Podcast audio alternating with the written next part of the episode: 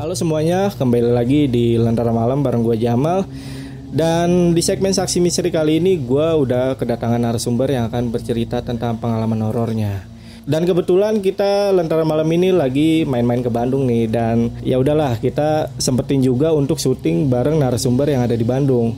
Dan narasumbernya udah ada di samping gua nih, namanya Kang Erwin. Jadi kita langsung sapa aja Kang Erwin. Kang Erwin, apa kabar Kang? Alhamdulillah baik. Kang, ini sebelum masuk ke ceritanya, Kang Erwin punya sosial media gak? Sosial media ada. IG gitu? IG ada sih. IG-nya ada di mana tuh Kang? Di at E R T W I N J 30 Twins 30. Oke. Dan Kang Erwin ini juga punya channel YouTube nih dan isinya juga ada cerita horornya juga ya Kang ya. Ada beberapa cerita horor. Ada beberapa cerita horor ya. Nah, jadi teman-teman nanti mampir aja ke channelnya Kang Erwin. Kang Erwin itu channelnya ada di mana tuh Kang? Channelnya dari Erwin Chandrawinata. Erwin Chandrawinata. Chandrawinata. Dan linknya gue taruh di deskripsi. Ya udah nih Kang, kita masuk ke ceritanya nih Kang. Ya.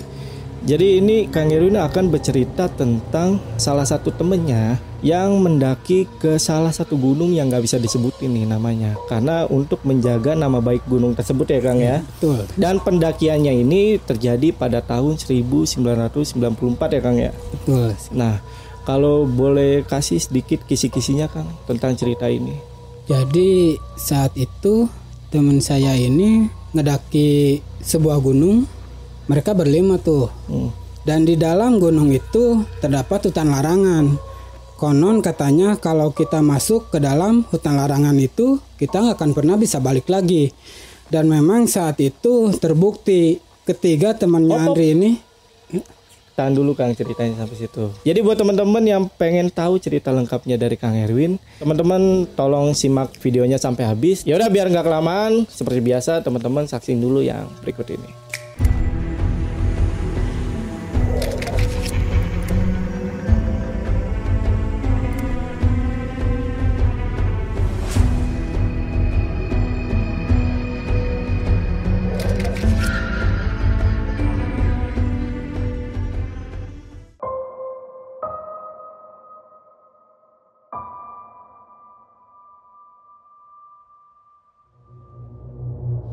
Cerita ini sebenarnya dialami oleh teman saya ya. Beliau bernama Andri. Kejadiannya sendiri terjadi sudah cukup lama sekitar tahun 94. Jadi waktu itu di kampung Andri ada sebuah gunung yang nggak terlalu tinggi. Kondisinya masih sangat asri dengan hutan yang sangat lebat. Tapi gunung itu terkenal angker. Dan warga di sana percaya pada cerita turun-temurun tentang keangkeran gunung tersebut. Konon jika kita masuk ke dalam hutan di gunung itu, kita nggak akan pernah bisa balik lagi. Kecuali hanya orang-orang sakti yang memang berilmu tinggi. Itu pun mereka saat masuk ke dalam hutan itu, mereka melakukan ritual-ritual terlebih dahulu. Seperti menyiapkan sesajen dan membakar kemenyan. Lalu mereka berdoa entah berdoa seperti apa gitu. Nah saat itu ada salah satu teman Kang Andri ini namanya Emon. Dia beberapa kali sempat mengajak untuk mendaki ke gunung tersebut. Namun beberapa kali juga Andi melarang Emon dan menasihati agar mencari tempat lain selain gunung itu. Karena memang Andi sendiri udah percaya tentang keangkeran di gunung tersebut. Nah hingga pada akhirnya kebetulan waktu itu liburan sekolah jadi pas kenaikan kelas tiba-tiba si Emon dan ketiga temannya yaitu Alif, Astri dan Danu tiba-tiba datang tuh ke rumahnya Andri. Dan saat itu mereka udah pakai setelan tempur, jadi mereka udah siap naik gitu kan. Di situ Andri masih tetap ngingetin mereka untuk janganlah mendingan cari tempat lain aja. Tapi si Emon ini tetap kekeh untuk pengen ngedaki gunung itu. Dan Emon pun saat itu sempet sompral, jadi dia ah gunungnya juga pendek gitu kan. Terus Lagian gue belum pernah denger tuh ada setan yang makan manusia kata si Amon tuh gitu. Di situ Andri keras kepala banget dan akhirnya mereka berempat yang naik. Waktu itu Andri nggak ikut. Akhirnya keempat orang itu Emon, Alif, Astri dan Danu masuk ke dalam hutan itu.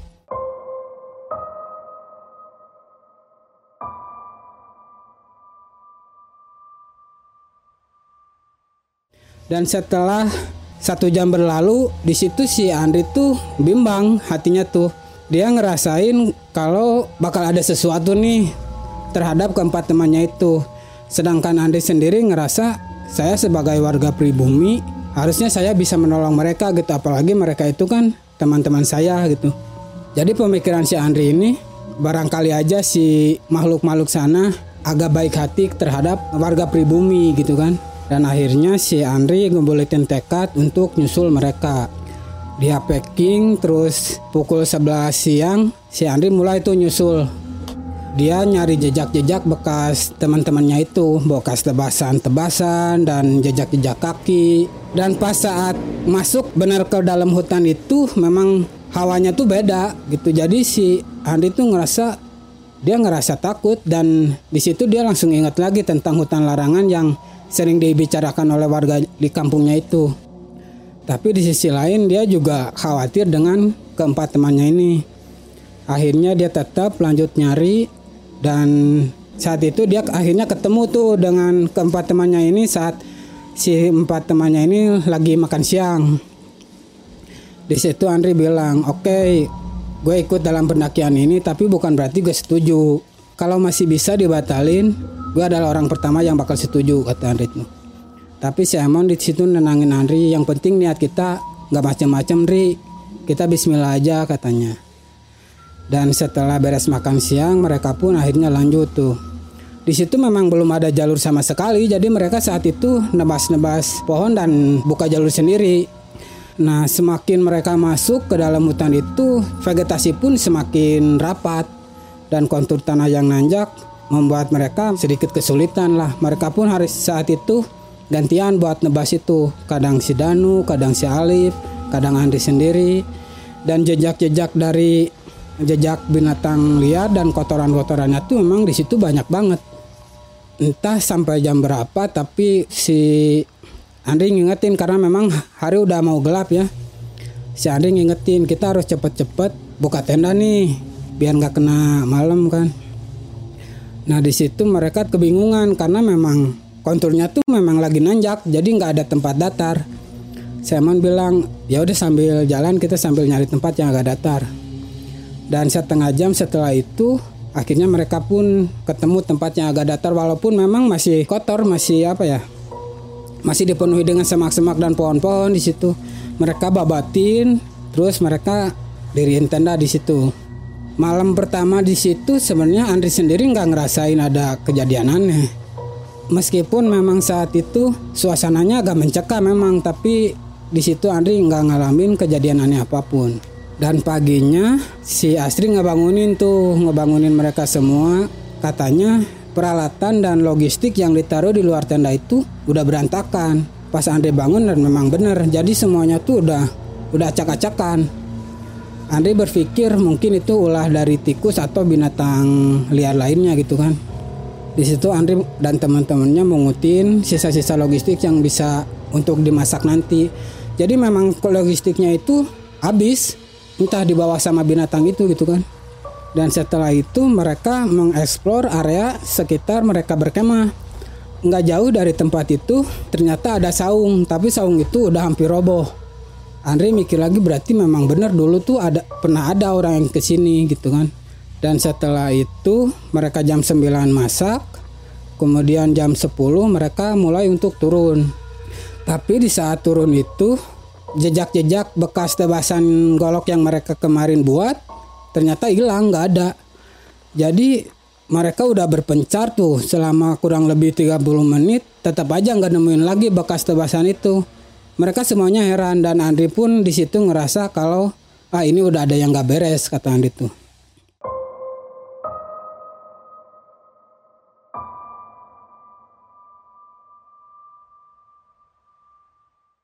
akhirnya mereka terpaksa buat bikin jalur baru lagi kan dan tentu aja itu perjalanan mereka jadi terhambat lagi jadi lama uh, prediksi Andri awalnya yang mungkin akan sebentar turun itu karena mereka ngebuka jalur baru lagi mereka nggak bisa memprediksikan gitu kan pas siang hari menurut mereka udah kelaparan banget karena memang pas tadi makan gitu mereka cuma sedikit karena logistiknya udah habis di situ mereka udah nggak ada makanan apa-apa lagi Tapi untungnya ternyata si Astri masih punya sebatang coklat. Lumayan lah buat mereka isi perut gitu kan. Dan saat itu air pun udah tinggal dua botol kecil. Jadi mereka udah nggak ada logistik, air cuma tinggal dua botol lagi. Emon bilang di situ airnya dihemat-hemat soalnya kita memang nggak tahu ini masih jauh atau udah deket gitu kan. Mereka lanjut lagi dan tanpa disangka-sangka ternyata saat itu hujan turun gitu. Dan hujannya tuh nggak nggak pakai aba-aba langsung deras itu. Si Andri sempat senang dulu karena bisa nampung air itu buat kebutuhan minum kan. Tapi di sisi lain itu juga musibah juga buat mereka karena mereka saat itu nggak ada yang bawa jas hujan atau ponco satu orang pun. Di situ sempat terjadi perdebatan antara untuk bikin tenda lagi atau melanjutkan perjalanan gitu kan.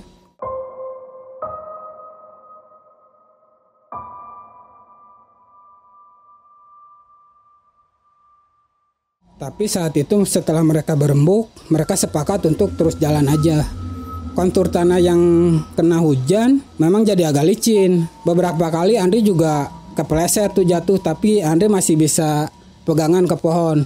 Dan Astri kepleset juga. Nah si Astri waktu itu nggak bisa nyelamatin diri. Jadi dia kepleset terus jatuh dan ngehantam si Danu yang ada di depannya. Keduanya tuh langsung jatuh, guling-gulingan tuh. Dan mereka masuk ke dalam jurang waktu itu. Di situ Andri udah mulai panik mereka langsung cepet-cepet lihat ke arah jurang itu kan. Si Asri cuma teriak-teriak minta tolong tapi suaranya juga udah samar karena memang saat itu hujan gitu kan. Di situ mereka kebingungan gimana gitu kan cara turun ke jurang itu? Sedangkan jurang itu lumayan sekitar ada 5 meteran. Di situ mereka berpikir nyari cara gimana caranya buat turun itu. Dan si Andri ingat ternyata dia waktu itu bawa tali webbing dia tambatin tali babing itu ke sebuah pohon. Tapi pas dia turunin tali babing itu ternyata talinya pendek jadi nggak cukup buat ke tempat itu. Akhirnya si Andri inisiatif nyari-nyari tumbuhan rambat yang bisa dijadiin tali gitu kan. Saat itu Andri ngumpulin bareng sama si Alif dan digabungin ke tali babing itu. Dan yang turun tuh si Emon waktu itu. Emon turun ngecek kondisi si Astri jadi Asri tuh kakinya udah cedera. Dia tuh udah nggak bisa jalan. Berdiri pun dia udah susah waktu itu. Dan sedangkan Danu itu masih dia masih bisa bergerak sih cuman dia tuh nggak bentur dada sama kakinya. Saat itu mereka bingung gimana caranya buat naikin si Asri dan Danu ini ke atas lagi kan?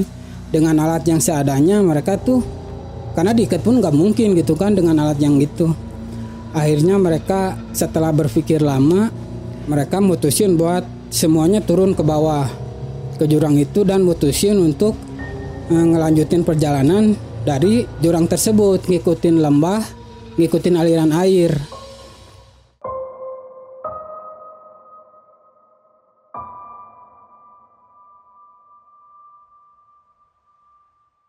saat itu karena Astri udah nggak bisa jalan mereka gantian tuh gendong Astri si Emon, Alif sama Andri bertiga. Danu udah nggak nggak bisa Danu. Mereka gantian gendong Astri dan perjalanan mereka jadi benar-benar jadi tambah lambat dari yang sebelumnya. Eh, waktu udah jam 5 sore waktu itu dan memang udah gelap di situ. Di situ terjadi perdebatan lagi antara mendirikan tenda atau melanjutkan perjalanan. Dan di situ si Danu pun ngerasa dia udah nggak sanggup jalan lagi karena memang kakinya pas jatuh ke jurang itu dia udah kebentur gitu. Akhirnya setelah berunding lagi, mereka sepakat kalau Andri dan Emon turun ke bawah untuk nyari bantuan. Sedangkan Astri dan Danu stay di situ didampingi oleh Alif. Akhirnya mereka bikin tenda di situ.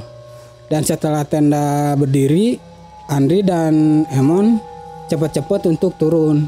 Sebelum turun itu, Andre sempat ngasihin tiga buah permen memang sisa tiga itu yang di saku celananya untuk ketiga temannya ini yang ditinggalkan ini. Dan saat itu memang udah nggak ada logistik sama sekali. Udah nggak ada makanan apa pun saat itu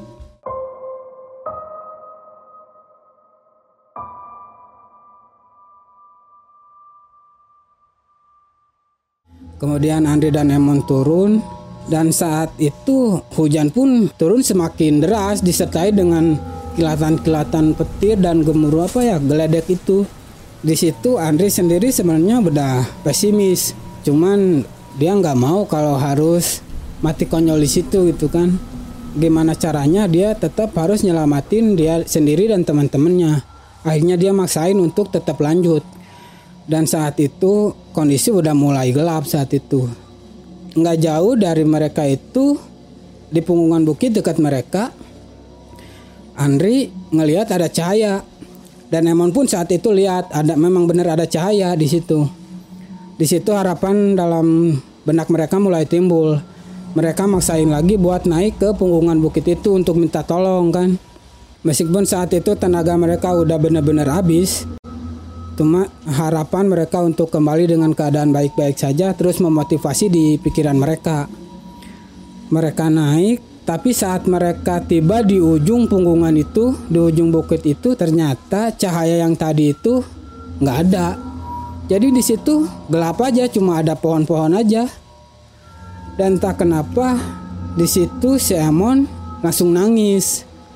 Andri juga bingung kenapa Emon nangis gitu kan. Tapi si Emon bilang dia menyesal. Jadi ini karena gue yang salah Andri. Kalau aja gue nurut dengan perkataan lu kemarin, mungkin aja kita nggak akan kayak gini. Andri cuma bisa nenangin Emon saat itu karena dia sendiri juga udah nggak tahu harus ngapain lagi gitu kan. Selain turun dan meminta bantuan. Dan akhirnya setelah mereka tenang, mereka melanjutkan lagi tuh perjalanan turun itu. Nggak beberapa lama setelah itu, kembali lagi si Andri ngelihat kayak ada cahaya di depannya tuh gitu kan dia sedikit lari untuk nyamperin ke sumber cahaya itu. Dan memang benar lambat laun ada suara orang yang kayak lagi ngobrol.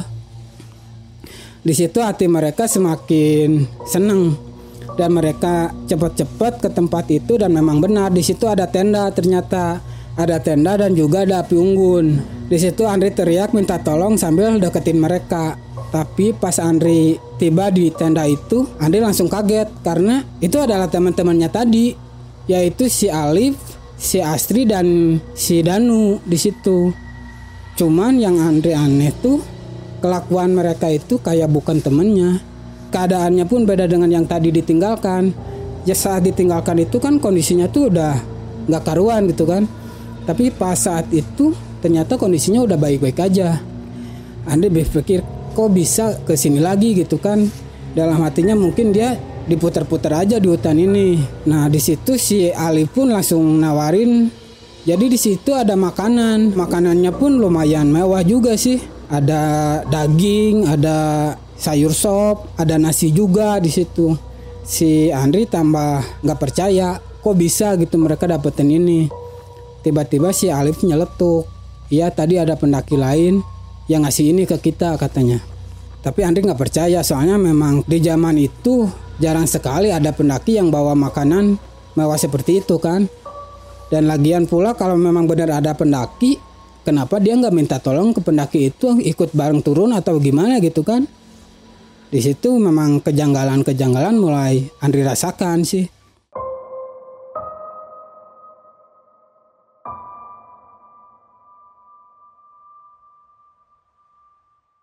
Si Emon karena memang udah lapar dia langsung makan tuh makan dengan lahap makanan itu. Andi cuma bisa liatin aja sambil bengong. Dan di situ Andi pun ditanya, kenapa Andi nggak makan? Takut. Jadi pertanyaan itu pun dengan nada yang sangat datar dari si Alif ini. Kayak yang bukan temennya sih kalau si Andi ngerasa tuh. Tapi karena akhirnya terpaksa si Andi pun nyicipin makanan itu memang dagingnya tuh benar daging. Nasi memang benar nasi nggak ada yang aneh sebenarnya. Tapi dia makannya cuma cuma dikit karena memang masih waspada dia gitu kan. Setelah beres makan itu, mereka merencanakan untuk perjalanan hari esok. Dan saat ditanya, Asri, lu udah bisa jalan kan? Asri bilang udah siap katanya. Nah pas nanya Danu ini, Danu cuma ngangguk sambil diam. Memang saat si Andri dan Emon tiba di tempat itu, si Danu tuh nggak ada interaksi sama sekali. Jadi Danu tuh cuma diam aja sambil nunduk. Beda dengan Asri dan Alif, di situ memang ya makin tambah curiga lah si Andri ini gitu kan dengan sikap-sikap temannya ini dan setelah si Andri ngeringin bajunya di depan api unggun itu Andri pun mutusin untuk tidur saat itu. Dia masuk ke tenda, sedangkan teman-temannya masih di luar ngobrol-ngobrol. Tapi saat itu di dalam tenda Andri sebenarnya udah ngantuk banget, udah capek, udah ngantuk. Tapi saat itu dia nggak bisa tidur, hatinya tuh gelisah. Seolah-olah dia tuh takut kalau tidur nanti dia akan dicelakai oleh ketiga temannya yang aneh ini gitu kan. Dan saat dia bingung dengan itu, tiba-tiba si Alif nyeletuk lagi ada suara nih dari si Alif. Ri kalau nggak bisa tidur sini aja keluar kita ngobrol. Andri makin aneh lagi karena dari mana Alif tahu kalau Andri belum tidur sedangkan si Andri ini di dalam tenda itu udah lama udah sekitar satu jaman lebih. Andri nggak nanggepin tuh perkataan si Alif ini. Dia tetap di dalam dan dia cuma bisa berdoa semoga kejadian yang dia alami sekarang itu hanyalah sebuah mimpi gitu. Dia pun nggak habis pikir kenapa si Emon nggak ngerasain semua keanehan-keanehan ini. Dan akhirnya entah jam berapa si Andri bisa juga tidur nah pas bangun si Andri lebih aneh lagi karena bangun itu dia posisinya udah ada di hutan yang ya tendanya nggak ada gitu dia bukan di dalam tenda lagi tenda barang-barang semuanya dan keempat temannya itu udah nggak ada jadi Andri di situ sendirian. Dia langsung panik dan takut juga. Pas bangun, ya cuma hutan-hutan aja gitu kan. Dia teriak-teriak manggil nama teman-temannya, tapi nggak ada jawaban. Nggak lama setelah itu dia pun ngedengar ada suara teriakan minta tolong. Antara senang dan takut, dia tuh coba buat nyari sumber suara yang minta tolong itu. Dan ternyata yang minta tolong itu suaranya suara mirip si Emon dia pun udah sampai di sumber suara itu tapi orangnya nggak ada dan ternyata pas dia dilihat ternyata orangnya ada di atas pohon jadi saat itu Simon tuh ada di atas pohon Andri nanya kan ngapain di situ Mon? Ternyata si Emon pun nggak ngerti. Jadi saat dia buka mata tahu-tahu memang udah ada di atas pohon itu. Pokoknya Andri tuh udah benar-benar takut. Emang disuruh turun dia nggak bisa karena memang si pohon itu pun diameternya tuh mungkin tiga kali pelukan orang dewasa gede banget kan? Emon nggak mungkin bisa manjat pohon itu dan untuk apa pula Emon? Manjat pohon itu kan tidur di situ nggak mungkin banget. Akhirnya si Emon turun-turun sambil loncat tuh turunnya juga awalnya Emon nggak mau tapi karena dipaksa dan nggak ada cara lain akhirnya Emon loncat dan ternyata di dekat pohon itu Andri ngelihat ada batu-batu yang disusun persegi empat kayak kuburan. Jadi batu itu memang mirip kuburan dan di dekat batu itu ada sesajen yang udah nggak utuh lagi, jadi udah kayak yang habis setengahnya. Di situ Andri berpikir lagi, mungkin aja yang tadi malam itu yang dia makan itu adalah sesajen ini. Cuman matanya aja yang disulap biar ngelihat jadi makanan gitu kan. Di situ mereka udah merinding tuh. Langsung mereka buru-buru pergi dari tempat itu. Dan setelah sekitar 30 menitan mereka meninggalkan tempat itu, samar-samar Andri ngedengar ada suara kendaraan di bawah sana. Hati Andri udah mulai plong di situ karena bentar lagi dia akan mengakhiri petualangan yang konyol itu. Dan memang benar setelah beberapa saat ternyata mereka pun tiba di sebuah desa Nah tapi saat tiba itu mereka saking bahagianya mereka cuma bisa ketawa-ketawa berdua. Mereka tuh udah nggak ingat lagi bahwa masih ada tiga temannya di dalam hutan itu. Mereka udah lupa yang ada di otak mereka saat itu ya senang aja udah bisa bebas dari hutan itu. Dan setelah itu Andri nggak ingat apa-apa lagi. Tahu-tahu dia bangun tuh udah ada di sebuah kamar tapi di luar kamar itu dia nggak dengar banyak suara sayup-sayup orang-orang yang lagi ngobrol terus suara-suara ayam kokokan ayam gitu kan dan saat dia ngelihat ke ruangan lainnya ternyata saat itu si Andri udah berada di rumah Pak Kades di situ yang ada ibu kadesnya aja ibu kades tuh ngejelasin kalau bahwa kemarin tuh si Andri dan Emon ini ditemukan dengan keadaan yang nggak sadar jadi mereka tuh kayak orang gila. Tiap ditanya mereka tuh nggak nyambung. Dan ditanya namanya pun mereka nggak inget nama sendiri saat itu. Akhirnya dibawa oleh warga ke rumah Pak Kades, kemudian diobati oleh orang pintar lah. Mereka diobati dan ya sadarnya saat itu. Nah di situ si Andi mulai ingat lagi dengan ketiga temennya yang ada di hutan sana. Andi pun nanya ke ibu kades, Bu, terus kondisi ketiga teman saya gimana bu yang masih di dalam hutan sana? Ibu kades itu langsung kaget. Dia nggak nyangka kalau ternyata masih ada teman-temannya Andi di dalam hutan sana gitu kan. Pemikiran Bu Kades saat itu cuma mereka aja berdua. Akhirnya Bu Kades buru-buru keluar nggak tahu ke mana dia nyuruh ya udah kalian tunggu di sini sebentar katanya. Ibunya tuh keluar. Di situ si Andi tuh udah mulai nangis. Dia udah ngebayangin hal-hal buruk tentang ketiga temannya karena saat itu berarti Andi tuh udah tiga hari dua hari dua malam lebih lah mau ketiga hari ninggalin ketiga temannya itu. Dia ngebayangin gimana kondisi mereka sedangkan mereka makanan pun nggak ada gitu kan Akhirnya nggak beberapa lama Ibu Kades datang lagi dengan Pak Kades dan dengan beberapa warga. Di situ Andri ngejelasin semua kejadian dari awal sampai akhir ke Pak Kades dan beberapa warga yang ada di situ. Dan akhirnya siang itu juga beberapa warga masuk ke dalam hutan itu untuk nyari ketiga temannya Andri ini. Awalnya Andri pengen ikut, cuman saat itu dia dilarang oleh Pak Kades nggak boleh ikut. Akhirnya Andi cuma bisa cemas ngelepas kepergian beberapa warga itu. Ditunggu sampai maghrib, warga itu belum juga datang gitu kan, belum balik lagi. Di situ Andi semakin gelisah. Kalau nangis dia sedari tadi juga udah nangis sama Emon di situ dia cuma bisa mondar mandir. Ya gelisah banget lah beberapa warga juga yang ada di situ nyoba buat nenangin Andi sama Emon ini. Dan akhirnya jam 9 malam Datanglah tuh rombongan warga yang tadi masuk ke hutan. Di situ Andri langsung lari nyamperin warga itu. Dan ternyata warga itu nggak nggak bareng ketiga temannya. Jadi memang ketiga temannya Andri ini belum ditemukan di malam itu. Di situ Andri ngerasa kayak yang sakit hati banget gitu kan. Dia ngapelin tangan sambil nahan tangis. Gak tahu kenapa Andri ngerasanya ya sakit hati aja mendapati kenyataan bahwa warga itu belum bisa ngebawa ketiga temannya mereka. Dan akhirnya keesokan harinya jam 8 pagi itu pencarian dilanjutkan lagi. Dan itu mereka melakukan strategi dengan matang. Mereka pun bawa logistik bawa tenda jadi mereka udah niat. Kalau sampai malam nggak nggak ditemuin mereka bakal ngecamp di dalam hutan bikin tenda di sana di situ juga Pak Kades ikut, terus Andri dan Emon ikut dan mereka juga membawa sesepuh sesepuh orang pintar lah.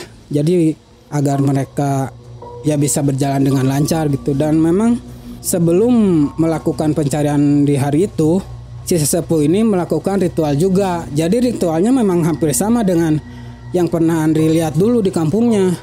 Jadi mereka bikin sesajen terus bakar kemenyan dan baca-baca mungkin doa gitu kan dan akhirnya setelah itu mereka mulai berjalan.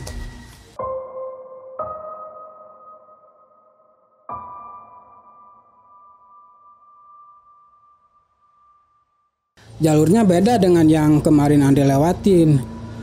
Jadi mungkin ada jalur warga tempat nyari apa ya nyari kayu bakar gitu kan mereka lewat situ dan memang nggak nggak beberapa lama sekitar beberapa jam aja sih mereka tiba tuh memang bener itu bukan tenda teman kamu. Pas dilihat memang bener. Itu memang tenda si teman-temannya ini.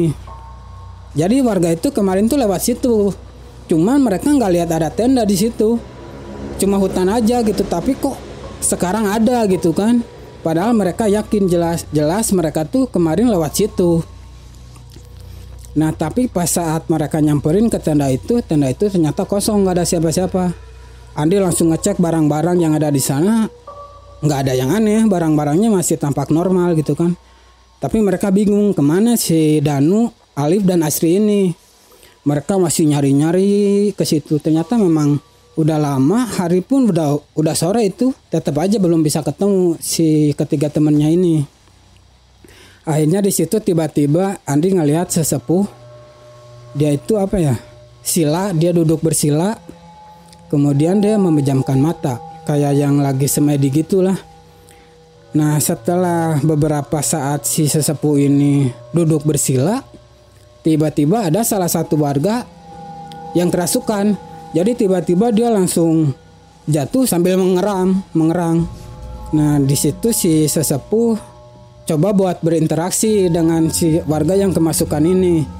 Dia nanyain, "Kamu siapa?" katanya dan memang yang masuk ke tubuh warga ini adalah memang penghuni hutan situ. Tapi saat ditanyain tentang ketiga temannya Andi ini, si makhluk itu bilangnya nggak tahu. Beberapa kali ditanya dia tetap nggak tahu. Tapi dan akhirnya makhluk ini bilang kalau ketiga temannya ini udah nggak bisa balik lagi katanya. Dia harus membayar apa yang udah mereka buat katanya. Di situ sesepuh langsung marah karena ngedenger bahwa si ketiga temannya ini nggak bisa balik lagi. Sesepuh baca-baca doa dan tiba-tiba aja si warga yang kemasukan ini tiba-tiba aja mental tubuhnya, mental ke belakang lalu pingsan.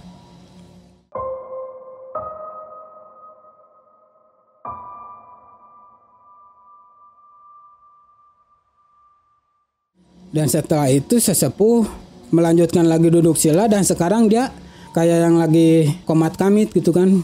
Semua yang ada di situ hening. Mereka semua khidmat menyaksikan sesepuh itu kan. Dan nggak beberapa lama tiba-tiba si sesepuh ini dia muntah darah. Di situ warga langsung tuh mulai riuh dan langsung ngerubutin si sesepuh ini tapi saat itu anehnya si sesepuh masih tetap kayak orang yang tidur gitu. Jadi dia tetap memejamkan mata, nggak nggak ada respon apa-apa.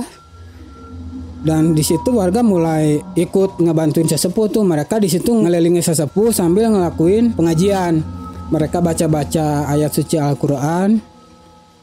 Dan nggak berapa lama si sesepuh tuh muntah darah lagi di situ. Mereka makin kenceng lagi buat eh, pengajian itu setelah proses yang lumayan lama akhirnya si sesepuh ini mulai dia mulai bangun lagi mulai sadar dan belakangan nanti tahu kalau yang barusan sesepuh lakukan itu ternyata dia lagi bertarung dengan penghuni situ tapi di alam sana gitu kan. Dan sesepuh tuh bilang ayo coba sekarang cari lagi tapi salian sambil baca sholawat. Jadi akhirnya si warga itu nyari lagi sambil sholawatan tuh. Dan gak lama memang benar ketiga temannya Andi ini pun bisa ditemukan dengan tempat yang beda-beda posisinya tuh udah beda-beda si Astri dan si Alif ini ditemukan dengan kondisi yang sama seperti Andri dan Emon. Jadi dia tuh udah nggak inget juga. Udah blank semuanya udah kayak orang gila. Setiap ditanya pun memang ya sama sih. Nggak inget apa-apa lah pokoknya ngelantur. Dan tatapannya itu kayak yang kosong. Nah, sedangkan Danu ditemukan dengan kondisi yang sangat mengenaskan waktu itu. Andri pun udah saat ngelihat itu ya Andri langsung nangis. Karena memang Danu ditemukan dengan posisi yang matanya tuh melotot, mulutnya kebuka dan dia udah meninggal. Jadi meninggalnya tuh kayak dia yang udah ngelihat sesuatu yang mengerikan karena memang dia tuh melotot gitu. Di situ Andri dan Emo nangis dan ya beberapa warga pun juga banyak yang sedih juga sih dengan kondisinya Danu ini. Dan akhirnya setelah maghrib, setelah mereka beres-beres tenda, peralatannya itu, mereka pun mulai balik lagi ke desa. Dan selama perjalanan turun ke desa itu pun ternyata Andi masih ngerasain banyak gangguan-gangguan goib. Jadi dia masih lihat sekelebatan-sekelebatan, terus ada suara-suara yang manggil dia gitu kan. Dan saat itu pula yang anehnya Andi ngelihat ada harimau. Jadi harimau itu jalan di depan dan di belakang rombongan mereka itu. Dan belakangan Andi tahu kalau ternyata harimau itu memang milik sesepuh sih. Jadi sengaja didatangkan untuk mengawal mereka.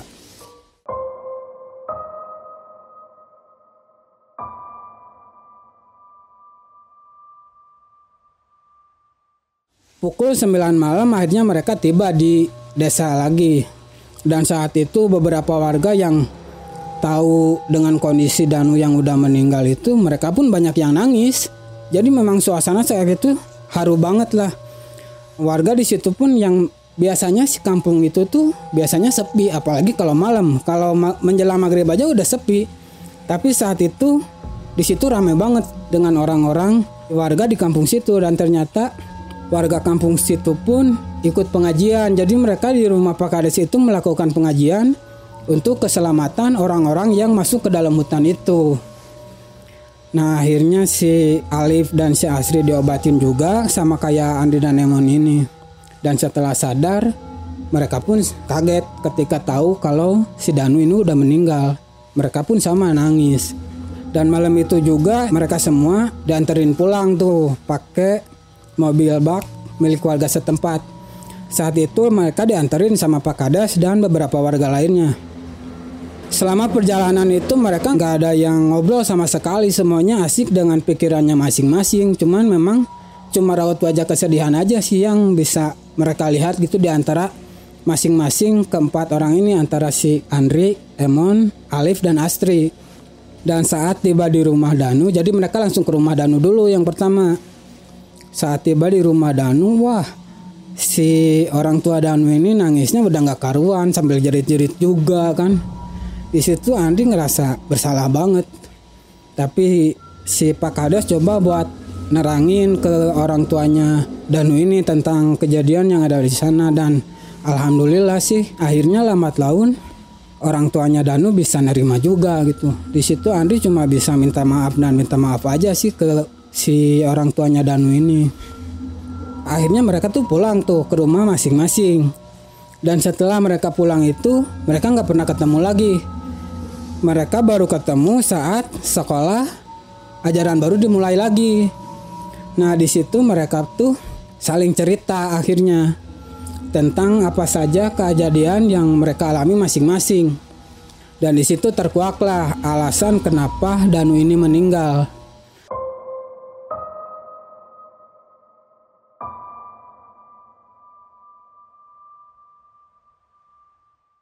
Jadi waktu itu Alif cerita pas di malam pertama Andri dan Emon turun tuh si Alif ini ngedenger ada suara suara orang banyak gitu. Jadi di saat itu si Alif mikir oh ini mungkin Andri dan Emon nih yang balik lagi bawa pertolongan nih. Tapi pas saat dia keluar tenda ternyata di luar itu sepi nggak ada siapa-siapa gitu. Di situ si Alif juga jadi ngerasa ragu ah apakah mungkin si Andri dan Emon ini selamat keluar dari hutan itu gitu kan karena ia mengingat tentang kehororan hutan itu dan kelebatan hutan itu sedangkan mereka pun turun nggak tahu jalur sama sekali kan mereka harus bikin jalur sendiri. Si Alif ini udah ngerencanain kalau besok pagi dia bakal ngajak Asri dan Danu untuk turun. Dan akhirnya pagi pun datang tuh mereka saat itu nyari tumbuhan-tumbuhan buat dimakan. Jadi mereka cuma cari daun-daunan dimasak sama garam doang. Tapi waktu itu ya karena nggak ada makanan lagi mereka makan dengan lahap. Dan setelah makan itu si Alif bilang, Nu as katanya, kayaknya kita harus turun nih, harus gerak katanya. Kalau kita di sini terus, kita bakalan mati konyol katanya. Karena di sini kita udah nggak ada makanan sama sekali. Si Danu dan Asri protes, Gimana kalau Andri dan Emon nanti balik lagi bawa bantuan? Si Alif bilang, Emang kalian yakin kalau si Andri dan Emon ini udah berhasil keluar dari hutan ini? Dan memang saat itu Asri dan Danu pun kayaknya ragu. Tapi setelah ditimbang-timbang lagi akhirnya mereka sepakat, ya udah kita tunggu aja deh sampai besok pagi. Kita semalam lagi di sini. Kalau mereka pagi nggak ada, kita turun katanya. Akhirnya Sepakatlah tuh.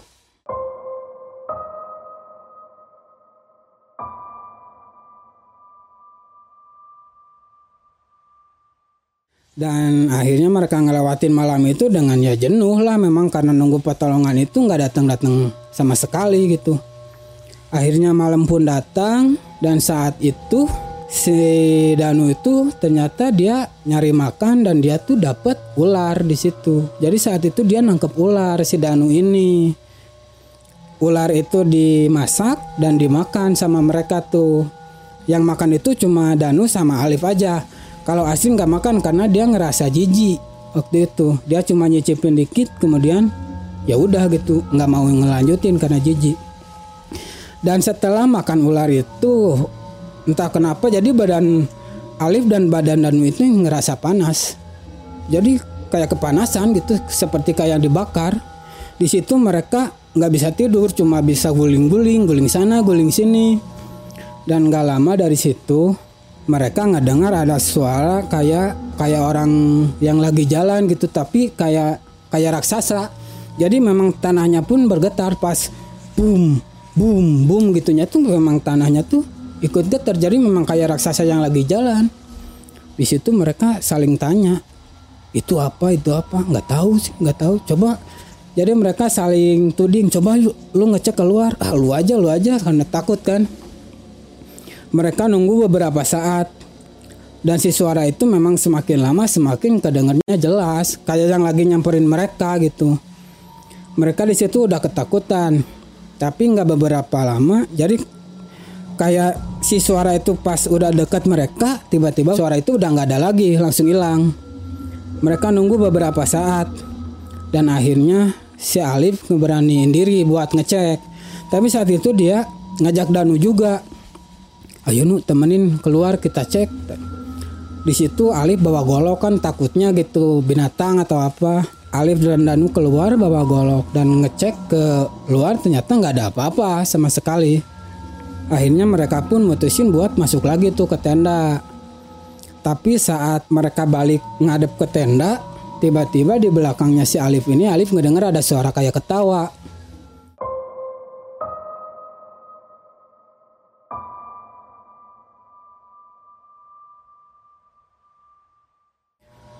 itu jelas banget suaranya dan di situ Alif langsung lihat ke belakang dan memang di situlah Alif melihat ada penampakan yang menurut dia memang mengerikan. Jadi dia ngelihat ada sosok yang kepalanya tuh ada tanduk terus si rambutnya ini memang panjang dan berantakan. Si badannya ini agak agak kemerahan warnanya. Si badannya ini samar tapi jelas memang berbentuk badan tapi samar memang. Di situ si Alif udah ketakutan banget. Dia bahkan untuk berdoa pun dia nggak bisa. Ya dia hanya bisa nangis gitu waktu itu kakinya gemeter udah gak bisa digerakin lagi badannya saat itu.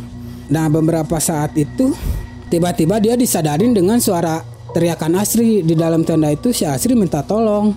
Tolong tolong. Nah di situ baru udah si Alif langsung sadar. Dan memang di depannya ternyata udah nggak ada apa-apa. Jadi nggak nggak tahu halusinasi nggak tahu apa. Ternyata di depannya Alif ini nggak ada apa-apa sebenarnya. Di situ Alif langsung masuk tuh ke tenda karena ngedenger minta tolong dari Asri ini. Ternyata di situ si Danu kesurupan. Jadi dasar itu kan si Alif nanya, kenapa si Danu nggak tahu dia dari tadi tiduran tiba-tiba langsung kesurupan katanya. Jadi ternyata si Alif ini keluar tenda tadi itu kan dia jelas dengan si Danu karena dia memang ngajak Danu tapi menurut si Asri ini si Alif tadi keluar tuh sendirian karena dari tadi Danu itu tiduran di situ nggak nemenin dia keluar tenda di situ ah, ya makin takut lah si Alif ini gitu kan. Cuman dia nggak bilang ke si Asri oh gitu ya cuman gitu doang. Di situ si Danu tuh kesurupan tuh. Jadi dia kesurupannya tuh kayak anak kecil. Jadi dia ngambil ini. Terus dia nanya ke Alif, ini apa nih namanya? Jadi sama Alif diterangin ini korek nu, oh korek. Terus dia ngambil ini, ini apa ini? Itu gelas nu. Jadi kayak anak kecil yang yang nggak tahu apa-apa gitu. Kesurupannya kayak gitu sih, nggak aneh-aneh, nggak yang mengeram kayak gimana. Ya itu kejadiannya lumayan lama juga sih Danu kesurupan itu. Udah coba ditenangin, cuman ya memang teruslah berkelanjutan kayak gitu sih nggak nggak nggak ada yang aneh-aneh nah hingga makin larut malam tuh si Asri Asri udah kelihatan ngantuk tuh udah capek Alif nyuruh Asri buat tidur. Udah deh. As lu tidur aja biar Danu gue yang jagain katanya. Nah semakin malam itu tingkah si Danu itu makin berubah. Jadi yang awalnya kayak anak kecil Sekarang dia tuh niruin dari kelakuan-kelakuan binatang.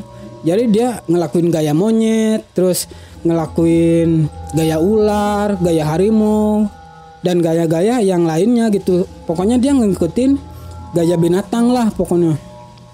Nah di situ si Alif ya makin kaget dengan dengan tingkahnya si Danu ini. Nu sadar nu istighfar istighfar. Cuman ya tetap aja Danu kayak gitu. Itu sampai udah larut malam di situ si Alif udah nggak tahu lagi jam berapa karena memang di antara mereka nggak ada yang bawa jam. Yang bawa jam itu memang si Andi sama Emon. Jadi Alif udah nggak tahu lagi cuman dia ngerasa saat itu mungkin udah subuh. Dia udah bener-bener ngantuk. Akhirnya dia ngiket tangan sama kaki Danu tuh biar dia nggak ke mana-mana biar dia tetap di dalam tenda itu gitu kan. Setelah dia mastiin ikatannya kenceng udah deh dia tidur.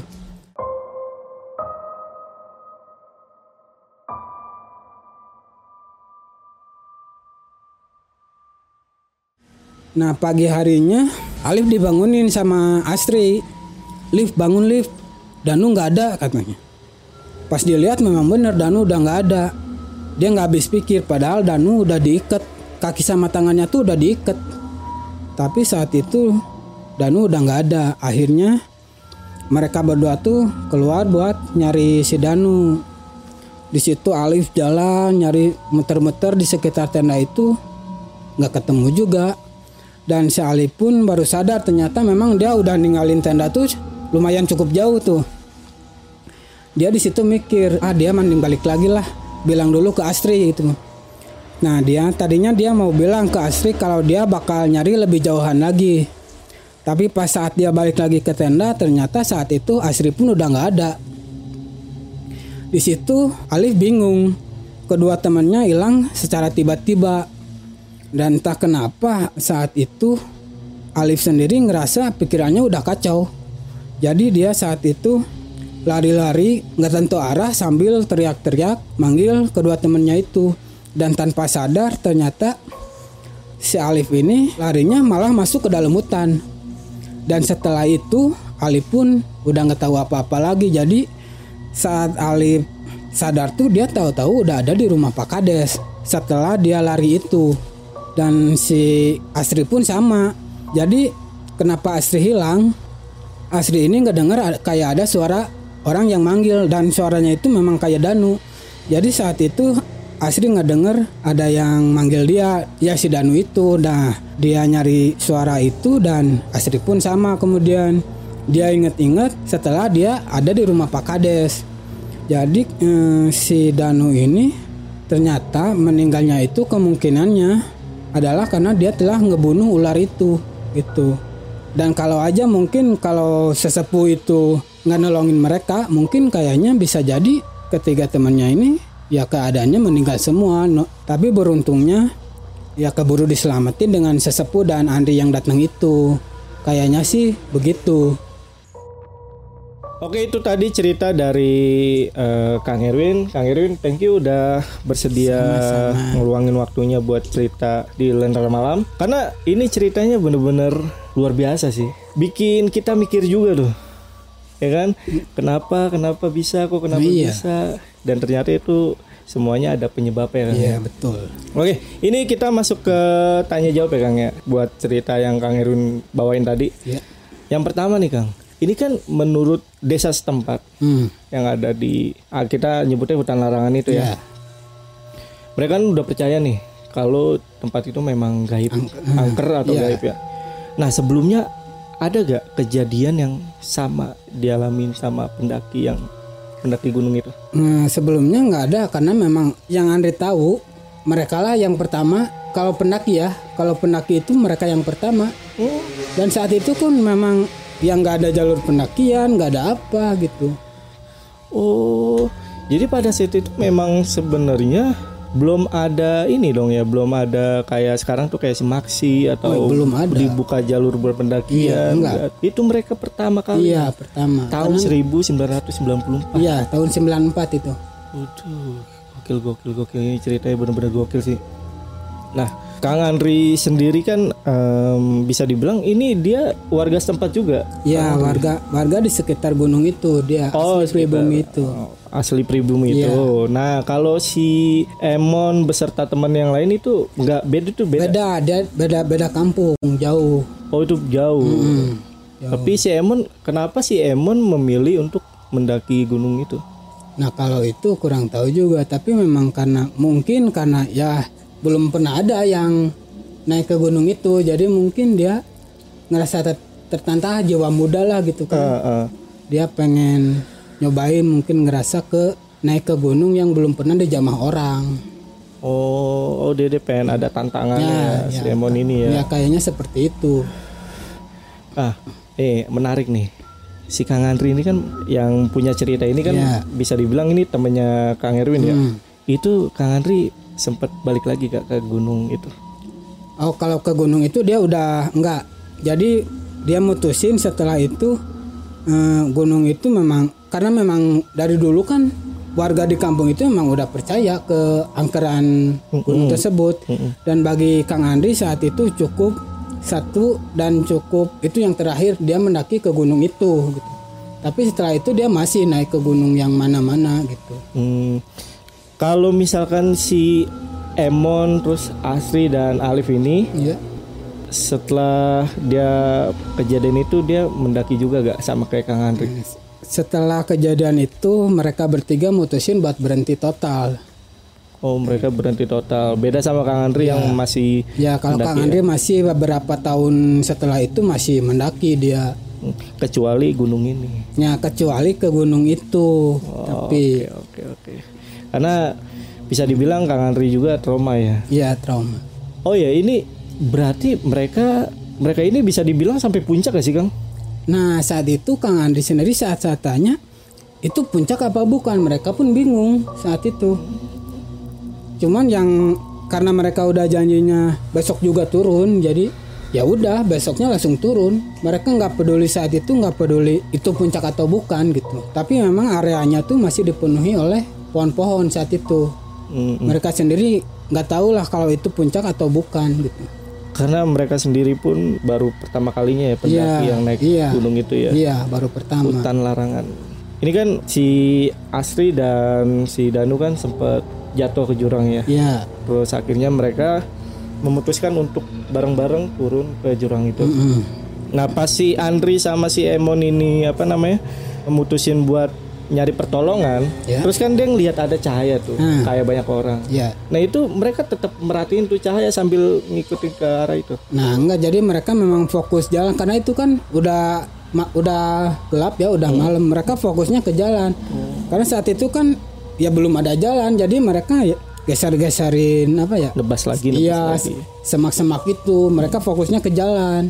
Oh tapi mereka nggak fokus ke arah ya, cahaya enggak itu enggak ya. terus ngelihat ke cahaya Hmm. itu. Karena gue kira dia terus ngeliatin dan Enggak. pas sampai sana malah nggak ada. Enggak sih. Oke oke. Nah abis itu kan akhirnya mereka ngelihat si Andri dan Emon ini ngelihat tenda temennya lagi. Hmm. Nah di situ pas ngelihat tenda temennya itu posisinya sama gak sama yang mereka tinggalin itu. Nah, kalau tempatnya sendiri saat itu memang karena gelap Andri sendiri sih nggak yakin nggak yakin kalau itu tempat yang tadi dia tinggalin itu atau atau bukan dia nggak yakin juga sih nggak tahu Hmm, oh, dia- karena memang gelap kan udah malam itu Jadi ya udah akhirnya mereka pun ngobrol-ngobrol dulu lah ya Iya. sama mereka. Pas si Kang Andri ini mencoba untuk tidur, tapi si Emon ini ngobrol. ya Emon masih ngobrol di luar Oh, karena si Emon ini nggak ngerasain apa-apa. nah, eh, jadi memang Andri sendiri heran kok Emon nggak ngerasain gitu kan padahal ini semuanya aneh padahal kan Oh, tadi kan si Kang Erwin kan sempat bilang juga nih kalau misalkan mereka ini keadaannya baik-baik aja nih pas Hmm, ditemuin iya. itu ya, yang pertama kali itu. Hmm, Si Danu kan Kang Erwin sempat bilang kalau dia terluka nih. hmm. Di situ posisinya gimana? Kondisinya si Danu tuh? Jadi Danu ya cuman jadi dia duduk deket api unggun itu dan cuma nunduk. Jadi saat si Kang Andri datang lagi ke tenda itu, ya posisi Danu udah kayak gitu sampai seterusnya. Jadi nggak berubah, jadi aneh banget. Oh, itu kondisi lukanya masih ada tapi. Nah kalau itu nggak merhatiin, Oh, si Kang, Iya. Kang Andrinya nggak iya merhatiin ya. merhatiin. Oke, oke, oke. Oke nih Kang, nih untuk yang pertanyaan selanjutnya eh, bisa dibilang kan yang kejadian kesurupan yang dialami sama si Kang Andri, Kang Emon, terus sama Asri sama si Alif itu kan sama ya. Mereka tuh eh, berubah menjadi gila ya. Ya nggak it- sadar. dan nggak sadar ya. Nah itu eh, sama sesepuh yang nyembuhin mereka itu dibilang nggak kalau sosok ini sama. Jadi sebenarnya sih ya bukan kesurupan, jadi sebenarnya jadi ya nggak tahu efek apa kalau Sunda itu ada bahasa kelangsu. Apa tuh Kang? Kelangsu itu jadi ya di- dibuat linglung. Hmm. Ya mungkin saja si apa ya pikiran mereka tuh ya dibuat kusut atau gimana gitu Dibuat kosong iya gitu ya. dibuat kosong gitu Oh, tapi pas disembuhin itu bukan kesurupan ternyata. bukan tapi Oh, hanya dibuat linglung aja. iya dibuat linglung Hmm. disembuhinnya pun sa- sama sesepuh itu cuma didoa doain aja nah, sempat dimandiin juga sih Diman ya air, air doa juga Hmm. jadi didoain terus disuruh mandi sama air doa itu juga gitu Oh, oke oke oke. Ya, karena itu ternyata itu semuanya sama ya kan dibuat linglung iya dibuat dan linglung ternyata bukan kesurupan. kan Atau kalau logikanya itu mungkin karena mereka kelaparan kali ya Kang ya. bisa jadi sih mungkin Iya kan? Iya. Kelaparan, hipo akhirnya pikiran mereka jadi Iya. kacau. Untuk ini kan ini pertanyaan terakhir nih Kang. Untuk kejadian ini kan ini kejadian yang luar biasa lah ya, bisa dibilang ya. Ini sempat geger gak satu kampung di sekitar itu pada kalau saat itu? kalau di kampung itunya memang geger. Geger. makanya cerita ini nggak disebutin. Gunungnya di mana kampungnya di mana karena memang untuk yang menjaga itulah. Di situ ramai banget. Bahkan ramainya tuh lebih dari seminggu ya orang-orang tetap ingat tentang kejadian itu gitu. Oh, rame rame. un- untuk sekarang rame nih Kang gunung ini. Kalau untuk sekarang gunung ini ya disebut rame nggak terlalu rame juga tapi memang udah ada udah ada pendakian kalau sekarang udah ada jalur ini. pendakian. iya Oh, oke oke oke. Oke itu tadi cerita dari Kang Erwin. Kang Erwin sekali lagi thank you untuk uh, bersedia bercerita di Lentera Malam. Dan jangan lupa untuk um, mampir ke channelnya Kang Erwin.